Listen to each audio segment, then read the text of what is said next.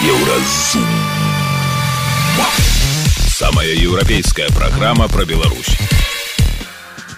Вітаю, гэта праграма Еўразум. І самыя важныя падзеі сэнсы чацвярга 8 лютага. Ці магчыма дапамагчы палітвязням і не сесці за гэта. Рэжым робіць абсалютна дакладную і слушную справу для сябе. Ён разбурае нашу салідарнасць. Чаму ў Беларусі нельга зрабіць кесарава пажаданні? Яно ўвогуле бяспечнае. Па-першае, дактары павінны расказваць жанчынам пра ўсе плюсы і мінусы кесарава сячэння, а па-другое, яно мусіць праводзіцца па паказаннях знайшлася зніклая ў беларусі украінка. Яе будуць судзіць за шпіянаж. Вона зарегістрована була в чаті і давала обяви що їде і до неї звертались люди з києва з різних міст нашої України щоб вона могла перевести речі документи гроші передавала людям які залишились в білорусь що ще не виїхали. Пра гэта ды іншае больш падрабязна цягам бліжэйшай гадзіны. Еўразум. Беларусь у еўрапейскім фокусе.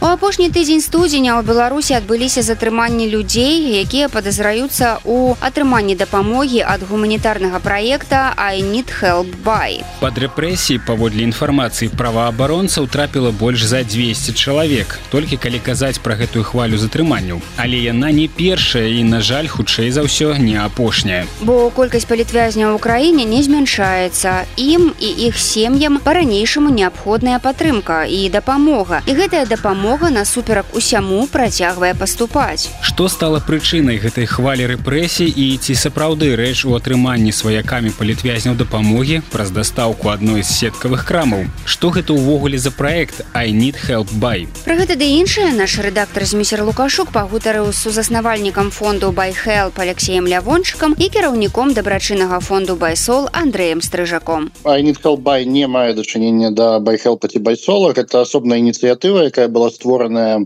ну прыкладна ў двадцатым такім самым годзе мэта якой была звадзіць э, тых хто хоча дапамагчы з тымі хто патрабуе дапамогі. Ну і у дадзеным выпадку гэта дапамога гэта дапамога была э, харчовая. Бок працавала гэта вельмі проста.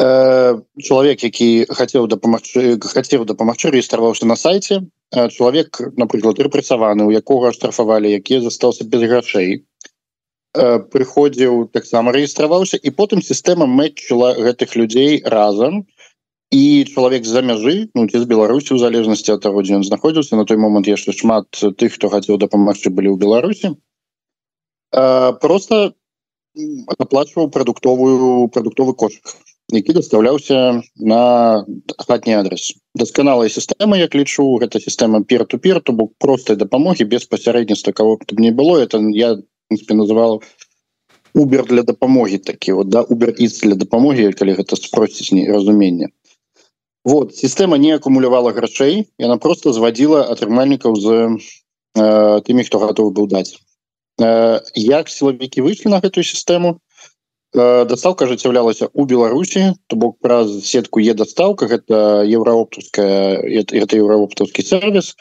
что беларуси силовики могут абсолютно спокойно себе запросить того самого европа европа это будет вымушаны дать початку 20 у початку 21 года мы почали массово давать спасылку на need help потому что ну шмат людей покидали без грошей і да мы накіроўвалі туды я б сказал не десяткі мы накіравалі туды сотні чалавек тому что байхел на той момант ужо аплаціў каля 12 тысяч заявак я кажу про люты 21 і я думаю что з гэтых 12 тысяч мы прыкладна 10 процентов накіравалі на айнит help у якасці дадатковай дапамогі і нават дамаўляліся за нітхелпом каб людзі маглі звяртацца туды некалькі разоў потому что ну было абмежаванне колькі чалавек колькі разоў чалавек можа атрымаць дапамогу Ну тому что наши силовики наши силовики тут я выкарыстоўваю косці покидали людей зусім без грошей. І адпаведна мы не могли дапамагчы бо мы не займаемся матэрыяльнай дапамогай а help акурат гэта вот самое блізкае да матэрыяльнай дапамогі что что было. Ну і э, відавочна зараз ужо паесці у Беларусі лічыцца крымінала Ну Окей Андрей я до цябе звярнуся як найперш як да праваабаронцы Вось гэтая сітуацыя калі не тое что ладно под подводзілі под нейкія экстрэміскія тэрарыстычныя артыкулы калі нейкая дапамога падтрымка прыходзіла за мяжы чалавеку а тут два чалавекі жывуць у Беларусі знаходзяцца ў Беларусі Ну один хоча дапамагчы другому. Ты что вот як ты як праваабаронца гэта ацэньваешь это да чаго вядзе что зараз будзе рызыкоўна дапамагаць бабульцы праз дарогу перайсці бо можа невядома як это будзе трактавацца Ну фактычна тут хутчэй не праваабаронца павінны каментаваць гісторык даследавання аўтарытарных рэжымаў. І калі глядзець з гэтага пункту гледжання то рэжым робіць абсалютна дакладную і слушную справу для сябе. Ён разбурае нашу салідарнасць.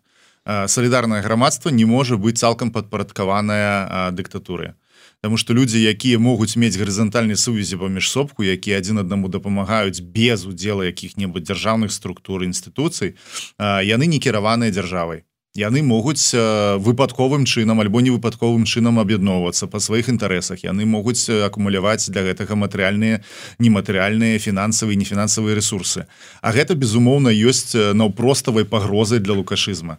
І калі глядзець пункту гледжання праўнай логікі канешне няма ніякага злачынства ў тым што адзін чалавек другому аплаціў прадуктовы кош гэта не можа быць злачынствам. Тут ну немагчыма сабе ўявіць дзе тут можа быць склад. Ну добра калі там нейкія сапсаваныя прадукты ён таким чынам чалавека труціць ці штосьці такое. Але ж не гэта тут як бы сітуацыя такая что гэта добрыя прадукты гэта адзін аднаму чалавек дапамагае. Яшчэ раз падкрэсліваю для беларускай сённяшняй улады гэта абсалютна смяротная зброя наша салідарнасць таму яны будуць старацца вышемліваць абсалютна все что толькі могуць і да чаго толькі могуць дачапіцца. Полтора мільёны баксаў 16 тысяч перадачаў гэта велізарная колькасць і велізарнае вымярэнне беларускай салідарнасці. Гэта я называю лічбы колькі грошай агулам як бы было патрачана людзьмі у гэтай сістэме пир-ту-пир дзе чалавек чалавеку дапамагае. І насамрэч яна дастаткова тэхналагічная тому что э, пабудова просто сістэмы дзе люди зводятся адзін з адным яна вельмі э, змяншае адміністратыўныя выдаткі на э, адміністраванне гэтага працэсу бо людзі паміж сопку самі кантактуюць самі дамаўляюцца пра ўсё і тут не трэба мець нейкіх валанцёраў альбо штатных супрацоўнікаў каб гэтым усім кіраваць. Ну прынамсі не ў таких колькасцях скажем так яны э, павінны быць. Так что тут адказ вельмі просты. Чаму для беларускай улады ежа стала зброяй? Тому что гэта не просто ежа. За гэтай ежай стаіць слова салідарнасць Працягваем размову з Алексеем Лявончыкам і Андрэем Стрыжаком. Алексей паколькі ты ўзняў тэму адкуль сталі вядомыя гэтыя хто як ну карацей кажучы некая інфармацыя по якой пайшлі да цябе пытанне ад хуткага смаўжа. Еўраторг перадаў базу у мус пасля чаго сталі магчымыя затрыманні. Ці будуць беларусы патрабаваць санкцый да гэтых здраднікаў? Мобыць можа блакаваць рахункі за мяжой. Ну, ці сапраўды ну нейкім чынам трапляе у такім выпадку сеткі крамы якія вось перадалі гэтую інфармацыю. Ну вот калі ты вот яно сапраўды так здарылася Як ты кажаш каб патрабаваць санкцыю дачыненні да іх. Тут дваістае пытанне. Патрабаваць можна чаго заўгодна. Іншае пытанне што каб кампанія працягвала працаваць у Беларусі яна мусіць ісці на абсалютна любыя віды кампрамісаў. Тым з нас хто заходзіць знаходзіцца па-за э, паза бела э, паза скажем так гэтым контекстам э, канешне я лічу что евротор не евроторха евроопт. Еўроп зрабіў кепска і банки зрабілі кепска. Калі яны перадавалі выпіски з э, банкаўскіх рахункаў габэшнікам і тыя ўжывалі каб альбо сажаць людзей за донаты калі гэта сістэматычнае было. Э, перадача грачэй фондам альбо выцягваць велізарныя сумы на рахункі нейкіх дабрачынных э, беларускіх афіцыйных арганізацый конечно згледзяш ну наш бок это ненармальна то бок то что это не зрабілі гэта прывяло до пасадак але мы павінны разумець что гэта беларуская сітуацыя калі як бы зайдзе еўропт знойдзецца на яго месца не нехта іншы калі знойдзецца нехта іншы таксама гэта зробіць і зыдзе то знойдзецца яшчэ нехта іншы гэтак далей. То бок аж до таго пакуль у Беларусі не застанецца ніякіх харчовых ніякіх прадуктовых кампаній разумееце? Бок я не кажу что с евро оптам нельга нешта рабіць а не трэба ні, нічога рабіць. Але я кажу что у гэтай сітуацыі на жаль еўраопт аказаўся у сітуацыі вось гэтага цукцванга. Не думаю там быў злы намер але гэта суксон гэта гэта сітуацыя калі чалавек не можа калі калі калі кожны крок робіць толькі горш. Уся Беларусь зараз суксан чтоб не зрабілі будет толькі горш. Падаць выдаць спіски азначала отправить кучу людзей на пасадки на штрафы Мачыма на крымінальныя справы. Не выдаць спіски азначала крымінальныя справы супраць кіраўніцтва гэта еўра опту супраць губу працы з супрацоўнікамі і гэтак далей. то плюс каб патрабаваць санкцыі я все-таки ну для этого патрэбны кампейнинг. Калі б я напрыклад займаўся гэтым для гэта патрэбны кампейнинг. Давесці чаму менавіта гэтая кампанія мусіць трапіць под санкцыі это не просто вот тыкнуть пальцем и сказать калі ласка подвядите по санкцыі ну такого не бывае это трэба рупліва збіраць доказы. Это трэба перадаваць гэтыя доказы тым хто прымае рашэнне Ну на дадзены момант не байхелп не байцол гэтым не займаюцца з того что я разумею э, байцол байхелп гэтым не займаецца это не наш мандат калі нехта іншы гэтым будзем займацца натуральна я свайго боку дапамагу прадаўшы э, як бы доказную базу і сведчанні наших атрымальнікаў нашай дапамогі аб тым як э, гэты зліў паспрыяў іх э, пасадкам ну, вот. это калі ласка але сам я займацца гэтым не буду тому что просто як я люблю казаць у тваіх эфирах зміцер э, тузіка разорвет э, згодны Я думаю что тут э, трэба глядзець на э, рэалістычнасць і на мэтазгоднасць таго ці іншага дзеяння. Я як чалавек практыка арыентаваны заўсёды ацэньваю наколькі прыкладзеныя высілкі могуць прывесці да некага результата калі мы паглядзім на гісторыю санкцыйных узаемаадносінаў беларусі і захада то самыя моцныя санкцыі вводзіліся не калі былі нейкія уласна беларускія патрэбы ў гэтым а калі закраналіся інтарэсы запада э, наўпрост. Гэта пасадка самалёта гэта авіяцыйная бяспека ў Еўропе і гэта гібридны міграцыйны крызіс гэта бяспека памежных краінаў разам з э, Польшай или твой Латвіі побач з Беларусю. Вось тады еўрапейцы могуць вводзіць нейкія такія больш сур'ёзныя санкцыі. Калі мы кажам про санкцыі які могуць быць уведзеныя супраць еўраопта альбо кампаніі еўраторг у дадзеным выпадку то я не думаю што яны будуць э, знішчальныя калі мы хочам дамагчыся такога возмездзя за гэтыя дзеянні. Это один разварот а другі разварот что все-таки э, існуе прэзумцыя невінаватасці. Мы не можемм ведаць пры якіх абставінах сілавікі атрымалі гэтую інфармацыю. Бо яны маглі атрымаць якраз такі з банкаўскай сістэмы маглі атрымаць гэта простое что э, прыйшлі з канкрэтнай крымінальнай справай да кіраўніцтва еўраторга і абавязалі гэта зрабіць по законе. Ясна что закон крывы ясна что ён не прававы э, по сваёй сутнасці бо ён пераследуе людзей по прыкмеце іншага палітычнага меркавання ў краіне. Але яшчэ раз практычныя дзеянні якія могуць прывесці да чагосьці тут э, выніковага яны пачнуцца толькі тады калі э, судовая сістэма пачне працаваць так як трэба. Пачаваць апрацаваць она пачне толькі пасля змены ўлады. І таму вельмі важна зараз дакументаваць абсалютна кожны факт э, такога ўтручальніцтва кожны факт такога э, рэпрэсіўнага дзеяння з боку дзяржавы Таму что тады будзеш чым працаваць прокурорам праз э, нейкі час калі беларуская ўлада сыдзе тая сённяшняя ўлада. І для мяне вось э, вельмі вельмі важно разуменне гэтага что гэтае возмездзе прыйдзе праз судовы працэс які будзе адбывацца ўжо ў вольнай беларуся для того каб ён адбыўся павінны быць доказы. Каб не было так як зараз з гэтым ментом у літве. У нас не было подставаў якія могли бы сказаць что вось затрымайце яго. Нават калі вот мы ведаем что есть чалавек але няма крымінальнай справы ніякай. то не падрыхтаваны корпус документаў не падрыхтаваны абвінавачванне неапытаныя сведкі і пацярпелыя часам тому что яны сядзяць а часам тому что не дапрацавана і тая ж самая сітуацыя можа быць э, вельмі непрыемны сюрпрыз для тых беларусаў які думаюць что пасля змены ўлады усе гэтыя злачынцы сядуць турму. Калі будуць доказы калі не будзе доказаў калі на не будзе задакументаваны ўжо сёння то гэтыя людзі спакойна працягнуць сваё жыццё можа быть не на сваіх пасадах але з нармальнымі пенсіямі в адрозненне тых людзей якія сваё жыццё траці плацяць зараз на барацьбу і на турмы Гэта былі кіраўнікі фондаў байхелп і байсол Алексей лявончык і Андрей стрыжак. Яны распавялі пра сітуацыю з атрыманнем сваякоў палітвязняў праз базу еўраопта і патлумачылі, чым гэтая ўся сітуацыя небяспечная для беларусаў. Далей у праграме еўразум. Чаму ў Беларусі нельга зрабіць кесарава пажаданні? Яно ўвогуле бяспечнае. Па-першае, дактары павінны расказваць жанчынам пра ўсе плюсы і мінусы кесарава сячэння, а па-другое, яно мусіць праводзіцца па паказаннях.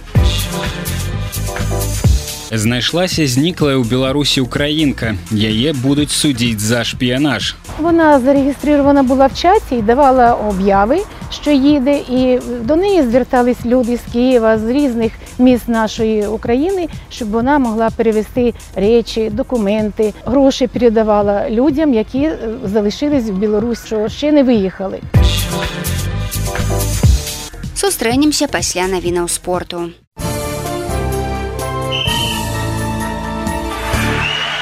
На еўрарадыё навіны спорту. Беларускі брамнік Константин Рудзянок працягне кар'еру ў футбольным чэмпіянаце Казахстана. Ён падпісаў аднагадовы кантракт з клубам Кызыл жар з Петрапаўлаўска. У мінулым сезоне 33гадовы рудзянок паспяхова выступаў за гродзенскі нёман. У фінале футбольнага кубка Азіі згуляюць зборныя катара і Яртаніі. Іх матч прызначаны на 10 лютага. У фінал футбольнага кубка афрыканскіх нацый выйшлі зборныя нігеры і кот дзівуара. Яны пазмагаюцца за ганаровы трафей 11 лютага. У спіс траўмаваных унесеныя нападаючыя хакейнага мінскага дынама Сэм Энас і Ягор Борыкаў. Яны атрымалі пашкоджанні ў нядаўніх матчах у першынстве КХл. Энас найлепшы бамбардзір каманды на яго рахунку 44 ачкі.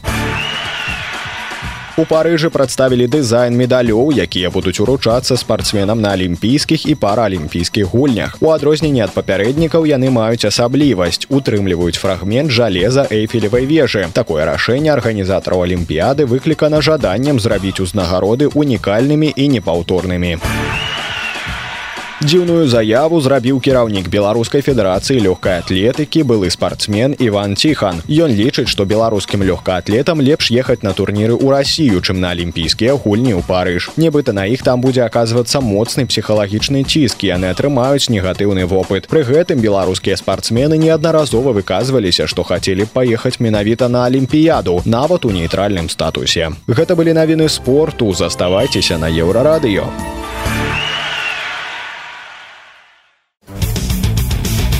Еўразум жыві ў рытме Еўропы. У Беларусі праводзіць кесарава сячэнне па жаданні пацыенткі забаронена. Тлумачыць еўрарадыё доктар-гінеколог Станіслаў Салавей. Кесарава сячэнне прызначаюць толькі па абсалютных альбо адносных паказаннях, калі ўзважваюцца карысць і рызыка. Адкуль узялося такое правіла і ці можна і ці трэба нешта ў ім мяняць. Над гэтым пытаннем еўрарадыё задумалася пасля скаргаў парадзіхі з Салігорска, чыё дзіця трапіла ў рэанімацыю пасля нараджэння нараджэння і жанчына з мінска чыё дзіця памерла пасля родаў ад асфіксіі. У першым выпадку маці даводзіла што нягледзячы на яе просьбы дактары правялі кесарвасячэння ў апошні момант і таму дзіця можа застацца інвалідам. У другім дактары не сталі рабіць аперацыю бо паказанняў да яе у пацыенткі не было. У сеціве агучваюць тэорыі што маўляў дактары выконваюць нейкі вар'яцкі план мінздароўя і не праводзяць кесарава дзеля статыстыкі. Стане Станіслаў Салавей перакананы, што такога плана ў Беларусі няма. Больш затое самім дактарам прасцей зрабіць кесарвасячэнне, чым рэагаваць на раптоўныя ускладненні. У чым жа тады справа і чаму кесарава не робяць у Беларусі пажаданнем, разбіраемся ў нашым рэпартажы. Ужо шмат гадоў эксперты сусветнай арганізацыі аховы здароўя настойліва рэкамендуюць жанчынам нараджаць без хірургічнага ўмяшання, калі для гэтага няма ніякіх медыцынскіх паказанняў спецыялісты папярэджваюць хоць кесарава сячэнне можа ратаваць жыцці людзей яно нярэдка выконваецца пры адсутнасці медыцынскіх паказанняў. У многіх краінах пажаданне жанчын што падвяргае маці іх дзяцей рызыцы развіцця праблем са здароўем у каротка або доўгатэрміновай перспектыве. Доктор станіслав салавей кажа што медыкі не аперуюць усіх хто хоча бо разумеюць кошты гэтай працэдуры. Просто так делать операцию ну, некоторые страны узаконили это делают у нас и для кесарева действительно есть абсолютное показание и относительное. С абсолютными проще. То есть ты знаешь, что э, есть прямое показание для кесарева, ребенок жить поперек лежит. Все, вопросов нет, кесарево сечение. Но есть относительные. И вот в родах поймать этот момент, когда нужно сделать кесарево сечение, это не так просто. Нет показателей, которые четко дают понятие. КТГ относительно, все вот эти показатели, все относительно. Это ориентироваться, но мы не застрахованы от ошибок. Паводле інфармацыі сусветнай арганізацыі аховы здароўя, жанчыны, якім робяць кесарава сячэнне, маюць вышэйшую рызыку крывацёку. Таксама не варта забываць пра шрамы, якія застаюцца ад папярэдніх родаў, што прайшлі з дапамогай хірургічнага ўмяшання. Могуць узнікнуць і іншыя сур'ёзныя ўскладненні. Вядома, гэтая аперацыя не асноўная прычына смяротнасці сярод парадзіх, але сувязь безумоўна існуе. В нашей стране кесарево по желанию запрещено. В некоторых странах это стало внедряться и практикуется, скажем так. У нас нет. И опять-таки внедрение кесарева по желанию не, не снизит младенческую смертность, грубо скажем. Не снизит. Но это статистика, это мы не какая-то страна-аномалия, в которой вот весь мир себе, а у нас особый путь развития и особая биология. То же самое в Польше, в Украине, в, России, в Прибалтике, в Германии, в Англии, в Америке. Там такие же живут люди. И они работают по тем, тем же биологическим законам. И ну, если это не, ничего не изменило, грубо скажем, в Германии, почему должно что-то изменить у нас? В плане там, всем тотально кесарево. Ничего не, ну, не будет, будет происходить ситуации. Будет происходить отслойки в 40 недель, просто отслойка на ровном месте и погибает ребенок. Разрыв, разрыв матки. Во время, если рубец от прошлого кесарева, во время беременности разрыв матки. Mm-hmm. Такого не бывает? Бывает. Ну, я понимаю, это очень эмоциональная тема, и оно звучит вот так, что ты хоть пытаешься найти виноватого. А вот кто виновен в том, что этот ребенок умер не думая о том, что есть вещи, на которые говорит, что э, расстрелять врача-онколога, потому что там, э, мой близкий родственник умер от рака. Значит, врач делал что-то не так. Медицина позволяет снизить риски, увеличить шансы выжить и прочее. Но, скажем так, чума столько не убила женщин в средние века, сколько убили роды послеродовый период. 25, каждая пятая женщина в средневековье умирала от причин, связанных с беременностью. Сейчас у нас эра безопасного акушерства. Первое кесарево сделано, сделано, после которого пациентка выжила, по-моему, чуть меньше 100 лет назад. Или ну, около 100 лет назад. Первое кесарево, когда пациентка выжила. Поэтому у нас неплохие успехи по акушерству, в принципе, в мире. У нас не... Беларусь это не самая, скажем так, слабая э, область по снабжению, по ресурсам. Да, есть вопросы по этическим моментам и про то, что пришла рожать, не сражай но в целом говорит, что у нас все плохо, нет врачей, там запрещ... Минздрав запрещает делать кесарево и доводит какие-то безумные планы, и врачи не, мог... не могут сделать то, что считают правильным, то, что считают показано для пациентки. Ну, это полный бред. Нягледзячы на папярэджанне дактароў пра тое, што аперацыя можа мець наступствы, многія беларускія перакананыя маё цела моя справа. І калі ёсць магчымасць рабіць кесарава пажаданні ў іншых краінах мы таксама маем на гэта права. Станіслав салавей кажа што ўвесці такую магчымасць у беларусі вядома можна але гэта мусіць адбывацца не заўтра і не паслязаўтра а гадоў праз 5 чаму наверное с учетом все-таки здравого смысла я считаю что надо надо ввести кесарево Кесарева по желанию можно увести, но не завтра, не послезавтра, а действительно лет через пять, когда в первую очередь пять лет, чтобы было поменять отношение к женщине беременной, к женщине в родах, э, отношение к женщине в принципе на уровне медицинской помощи, и позиция, что любая боль, которую можно убрать, должна быть убрана. То есть эпидуральная анестезия просто по желанию и через пять лет подойти к вопросу э, о том, что да, мы обсудили вопрос сделать кесарево, делать кесарево по желанию. Потому что сейчас на выбор кесарево сечения будут влиять в том числе те факторы, которые должны быть давно искоренены. То есть женщины будут бояться, что в родах на нее будут там, кричать, там, бить, материться, оскорблять, и то, что ей будет больно. И из-за этого она будет выбирать кесарево сечение. Хотя с, э, против другой ситуации она бы этого не выбирала. Не ўсе пытанні пакуль вывучаныя, таму спецыялісты сусветнай арганізацыі аховы здароўя сыходзяцца ў меркаванні, што па-першае, дактары павінны расказваць жанчынам пра ўсе плюсы і мінусы кесарава сячэння, а па-другое, яно мусіць праводзіцца па паказаннях. З улікам некаторых нюансаў доктар Станіслав Славей дапускае легалізацыю аперацыі пажаданні ў Беларусі, але ўсё мусіць праходзіць паэтапна, а не так, што жанчыны будуць выбіраць кесарава, бо баяцца болю і хамства. Інфармацыйная служба еўрарадыё. Далей у праграме еўразум знайшлася зніклая ў беларусі украінка. Яе будуць судзіць за шпіянаж. Вона зарегістрована була в чаті і давала обяви що їде і до неї звертались люди з києва з різних міст нашої України, щоб вона могла перевести речі, документи, гроші передавала людям, які е, залишились в Білорусь, що ще не виїхали. Сустрэнемся пасля навінаў шоу-бізу Шоу-біз. Зыбож. Навіны шоу-бізу на еўрарадыё. Мірыем Герасіменко ладзіць першы сольны канцэрт пасля паспяховай эвакуацыі з Беларусі. Аб гэтым спявачка распавяла ў сваёй сацецы. Музычны кватэрнік пад назвай той самай песні «Обіймі мене», за якую Мірыем атрымала тры гады хатняй хіміі, адбудзецца 16 лютага ў Варшаве. Бярыце сяброў, добры настрой і прыходзьце, збіраем неверагодных людзей разам у гэты вечар. Таму ён абяцае быць вельмі утульным і музычным, напісала спявачка. На фоне складанага перыяду для індустрыі музыкі і забаў працягваюцца звальненні ў медыябізнесе. Чакаецца, што Warner і Universal Music Group звольняць сотні супрацоўнікаў дзеля рэструктурызацыі. Раней Warner звольніла 270 супрацоўнікаў, падкрэсліваючы неабходнасць выжывання. Падчас пандэміі людзі знаходзіліся ў ізаляцыі і многія, хто раней не карыстаўся стрымінгавымі пляцоўкамі, зрабілі гэта. Пандэмія спынілася і рост карыстальнікаў скараціўся. Вядома ж, як і ў свеце тэхналогій музычныя кампаніі, якія рэзка павялічылі штат падчас пандэміі, цяпер вымушаныя скарачаць яго.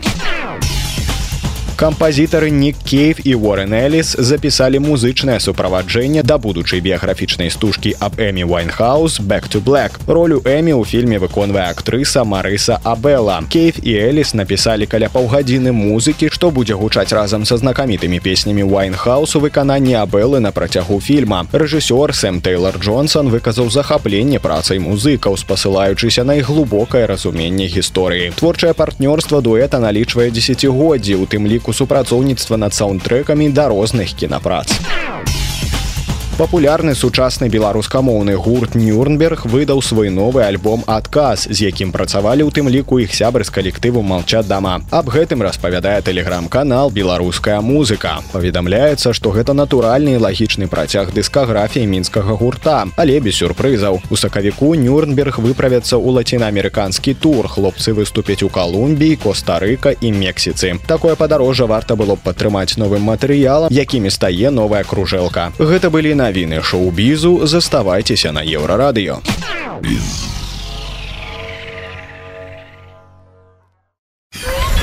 Еўрарадыё кропка FM. 15 лютага у гомельскім абласным судзе пачнецца судовы працэс над украінкай Наталей Захаранка. Акурат у гэты дзень жанчыне споўніцца 44 гады. Па словах родных Наталі пасля пачатку вайны яна была валанцёрка і перавозіла ў ЕС і Беларусь украінскіх уцікачоў, перадавала дакументы і лекі. У ліпені мінулага года падчас свайго знаходжання ў Беларусі перастала выходзіць на сувязь. Трывогу падняла дачка Наталлі, але звестак ад афіцыйных органаў яна так і не атрымала. Наталі Захаранка пагражае да 15 гадоў зняволення нібыта за шпіянаж. Разам з ёй будуць судзіць яе знаёмую Ларысу крупу за неданясенне пра злачынства. Вось што распавяла маці Наталлі Надзея пасля таго, як яе дачка перастала выходзіць на сувязь. Гэта сюжэт пра жанчыну і яе дзейнасць выдання час чарнігаўскі. Моя донька їздила в Білорусію. Вона допомагала українцям виїжджати з Білорусі і в зворотному напрямку, ну, під час окупації багато повиїжджало, і вона перевозила людей, перевозила їхні речі. І от з 19 липня вона не виходить на зв'язок. Скільки куди я не писала, писала посольство, прокуратуру, в МІД. В посольстві мені відповіли, що затриманої її нема. Як же затриманої нема? Якби я не знаю вже куди йти, до кого звертатись, мене вже нема ніяких сил. Наталія почала їздити до Білорусі у другій половині 2022 року. Допомагала тим українцям, які там застрягли, не могли самостійно виїхати, покинути територію недружньої нам країни. Допомагала їм на своїй автівці.